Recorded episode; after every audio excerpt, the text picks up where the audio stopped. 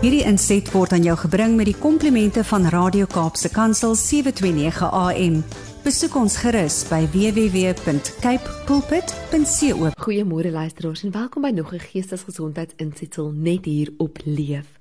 Ek is Gerda Kriel, kliniese sielkundige van Somerset West by Helderberg Psychology. En ons kuier hier in die maand van April rondom die onderwerp van tiener geestesgesondheid. Verlede week het ons gekyk na wat is normale tienergesondheid en daarteenoor hoe lyk tienergeestesgesondheidsprobleme? Wat is die risikofaktore waarvoor 'n ouer moet uitkyk? Vandag wil ons 'n bietjie stil staan by 'n onderwerp wat regtig die laaste tyd 'n geweldige groot probleem geraak het veral in Suid-Afrika. En dit is die onderwerp van tieners selfdood. Oor die afgelope paar jaar het tieners selfdood in Suid-Afrika ongekende hoogtes bereik. 9% van alle selfdood wat gepleeg word, is tans aan die hand van die ouderdom tussen 10 en 19. En navorsing sê vir ons dat amper 20% van alle adolessente van hoërskoolouderdom daaraan dink om selfmoord te pleeg of daaraan dink om hulle eie lewens te neem of 'n poging aangewend het. Dit is kommerwekkende statistiek. En daarom het ons besluit om vandag juis hieroor te praat, want as ons een kind se lewe kan keer daarvan om deel van daardie statistiek te raak, voel ek het ons in ons taak geslaag. Tiener selfdood is 'n onderwerp wat mense ongelooflik ongemaklik maak. Eintlik selfdood as 'n reël maak mense baie ongemaklik om oor te praat, maar ons kan dit nie ignoreer met statistiek soos wat ek pas genoem het nie. Kom ons praat bietjie oor die risikofaktore vir 'n kind om hulle lewe te neem. As ons weet, soos verlede week het ons gepraat daaroor dat adolessensie regtig ietsie is wat 'n tydperk is wat geken word deur geweldige verandering en dat ons dit eh, sien in ons tieners se gedrag en dat ons sien dat ons tieners tot 'n groot mate ook normale veranderinge veranderingsgedrag en aanpassingsgedrag kan toon.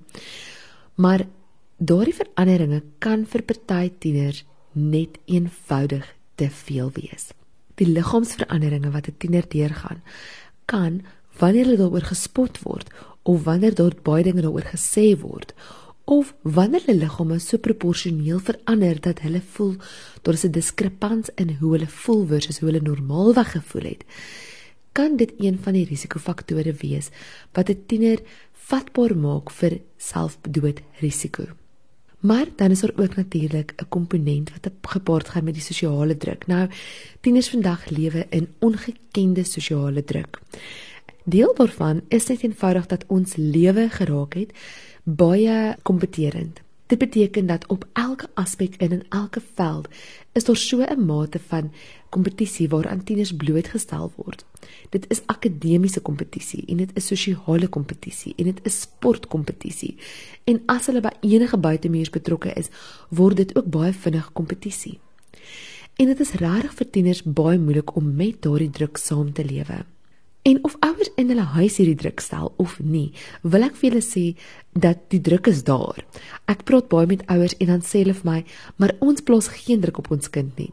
Dit mag wees, maar jy is ook nie elke oomblik van die dag by jou kind nie en jy weet nooit wat word in jou kind se klaskamer gesê nie of wat sê jou kind se maats vir jou kind. En daarom wil ek ouers altyd noop, praat met jou kind. As jy opmerk dat jou kind begin gedrag toon wat lyk asof hulle baie ernstig is oor byvoorbeeld hulle sport of dit lyk asof hulle begin obsessief raak oor akademie of oor sosiale druk. Begin om gesprekke met jou kind te hê, begin om vir jou kind vrae te vra daaroor. My kind, ek merk op dat jy die laaste tyd amper nie eens wil eet nie, so studeer jy. Wat is aan die gang? Jy weet vir ons is dit nie belangrik nie, maar waaroor is jy bekommerd? Wat gaan in jou wêreld aan? Ons hoef nie op eierdoppe rondom ons tieners te loop nie. En ek dink dit is ongelooflik belangrik om te noem dat wanneer daar familieondersteuning is en wanneer daar 'n kind is wat voel hulle ouers gee genoeg om om met hulle oor die moeilike onderwerpe te praat, dit werklik 'n bufferende effek kan hê op 'n kind se selfmoordrisiko. En ek wil hier met mooi hoor, ek sê nie dat ouers wat baie ondersteunend is nie 'n kind gaan hê wat ooit selfmoord poog nie. Maar dit is bewys dat dit 'n bufferende effek kan hê. Met ander woorde, die risiko verlaag, maar die risiko is nie noodwendig heeltemal 100% weg nie. Een van die baie belangrike risikofaktore waarna ouers moet uitsien om hulle tieners net half te kyk is sy kind vir 'n risiko of nie, is dat 'n tiener dikwels heeltemal sal begin onttrek. Hulle sal nie meer omgee om hulle vriende te sien nie, hulle sal nie meer omgee met hulle familietyd te spandeer nie en hulle sal hulle self in hulle kamer toesluit of nie noodwendig toesluit nie, maar baie tyd alleen agter 'n geslote deur spandeer. En dit is dan wanneer baie ouers heeltemal 'n teenreaksie daarteen vorm en sommer selfs die kind se deur afskroef. Nou jou tiener het privaatheid nodig. En dit is nie jou plek as ouer om daardie privaatheid te skenk nie. Maar jy moet 'n verhouding met jou kind hê sodat jy ingenooi kan word agter daardie geslote deure in en regte gesprekke met jou kind kan hê. 'n Ander risikofaktor wat baie belangrik is, is dat tieners begin eksperimenteer dikwels in adolessensie met substansies. Dit kan alkohol wees, dit kan sigarette wees en dan kan dit ook meer ernstige dwelmmiddels wees soos dagga of tik, kokaine, heroïne afhangend van die area waar hulle woon. Ons vind dat dagga is een van die mees algemene dwelmmiddels wat tieners mee eksperimenteer. En ongelukkig is dit deesdae baie vrylik bekombaar. Let op ouers of jou kind se gedrag verander. As jy sien dat jou kind wat altyd baie energiek was, ewe skielik baie rustig raak of jy sien dat jou kind wat altyd baie betrokke was, baie engaged is die lekker Engelse woord. Jou kind wat altyd lekker engaged was, wat betrokke was in hulle omgewing, wat deelgeneem het. As jy sien dat jou kind ewe skielik 'n baie dramatiese persoonlikheidsverandering ondergaan, hou dit dop vir 'n week of 2, nie langer as 'n maand nie. En as jy sien dat hulle enige sulke veranderinge toon, wees op die uitkyk vir moontlike gebruik van substansie. Ek weet as 'n ouer, ek is self 'n ouer van 3 kinders. As 'n ouer wil ons nooit dink daaraan dat ons kinders moontlik by iets kan betrokke wees wat vir hulle so sleg sal wees nie. Maar baie kinders eksperimenteer in hulle tienerjare. En daar is 'n mate van eksperimentering wat toegelaat behoort te word. Maar wanneer dit begin om 'n kind se gesondheid en sy geestesgesondheid negatief te beïnvloed, moet ouers intree. Nog 'n risikofaktor is as jy opmerk dat jou kind hulle self skade aandoen. Ons praat van selfmutilering, ons praat van selfsny. In Engels is die woord self-harm en ook vandag in hierdie tyd met die aanvang van sosiale media en eintlik die sosiale media bubble wat geskep word. Is dit iets wat onder adolessente ongelooflik normaliseer word om jouself te sny of te brand of seer te maak? En as ouers hulle self baie goed wil toerus, kan hulle maar op sosiale media begin soek vir hierdie hashtags self-harm awareness of hashtag cutting en wees bewus of van ouers dit is redelik ontstellende materiaal wat daar uitkom maar tieners noop of hulle ondersteun mekaar eintlik op hierdie platforms om in hierdie self-harming gedrag deel te neem.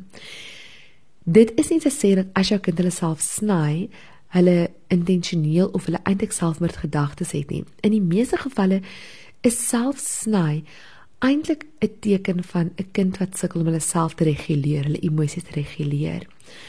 Maar van tyd tot tyd, wanneer 'n kind se emosionele reguleringsvaardighede heeltemal oorskry word, kan dit wees dat hulle voel selfdood is die enigste opsie. En as jou kind sny, weet jy dat daar waarskynlik 'n selfreguleringsprobleem is en dit is alreeds genoeg rede om professionele hulp vir jou kind in te win.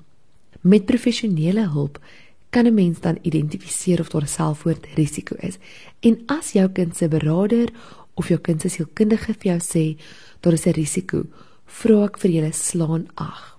Meeste selfdood word op 'n stadium aan iemand genoem, die intensie of die gedagte daar agter. En dikwels reageer ons nie daarop nie. En ek dink tot 'n mate reageer ons nie noodwendig daarop nie omdat ons nie kan indink dat iemand vir wie ons lief is op so 'n gewelddadige manier hulle lewens wil beëindig nie. Maar dit is ongelooflik belangrik vir jou as ouer om te weet dat jou kind nie vrygeskeld is daarvan om 'n poging op hulle lewens aan te wend nie. En daarom moet jy dit ernstig neem as jou kind vir jou enigiets soos dit sê. Ek wil ouers regtig uitnooi om kontak te maak met my of met enige sielkundige in jou omgewing as jy bekommerd is oor jou kind. Dan kan jy ook gaan kyk op www.sadak.org.za se webtuiste. Daar is ongelooflike hulpbronne, ondersteuningsstrukture en groepe wat beskikbaar is vir tieners wat sukkel met hulle geestesgesondheid, sowel as ouers wat ondersteuning nodig het oor hoe om te navigeer rondom hierdie moeilike moeilike pad. Onthou dat geestesgesondheidsprobleme is niks om oor skaam te wees nie. As jou tiener dit ervaar, as jy bang is jou kind is 'n risiko om hulle lewe te neem, praat daaroor. Ryk uit en maak oop sodat jou kind vry kan voel om met jou daaroor te praat. Hulle gaan dalk nie altyd wil nie. Hulle gaan dalk nie altyd lus wees vir ma of pa se geneel of se gepraat nie maar bou, bou, bou aan daardie verhouding met jou kind van vroeg af reeds. En as jy vandag die ouer is van 'n jonger kind wat inskakel, wil ek vir jou sê, bou aan daardie verhouding met jou kind, want dit is 'n bufferende ervaring, dit is 'n bufferende geleentheid vir jou kind om te weet dat my ouer en my verhouding is so goed dat ek met enigiets met hulle kan gaan praat. Ryk uit, moenie stil bly nie. En as jy nou vandag se gesprek voel jou kind het professionele hulp nodig, praat met ons. Ryk uit na my of na die radiostasie, hulle sal kontak maak met my. En dan soos ek gesê het, ook is SADAG 'n wonderlike hulpbron vir mense wat enige vorm van geestesgesondheidsprobleme in hulle lewe het. Dis al wat vir ons tyd het vandag, maar kuier gerus volgende week saam wanneer ek meer praat oor wat ouers kan doen om hulle kinders te ondersteun wanneer hulle geestesgesondheidsprobleme het. Van my Gerda Kriel. Ons kyk volgende week weer saam. Totsiens. Hierdie inset was aan jou gebring met die komplimente van Radio Kaapse Kansel 729 AM. Besoek ons gerus by www.cape pulpit.co.za.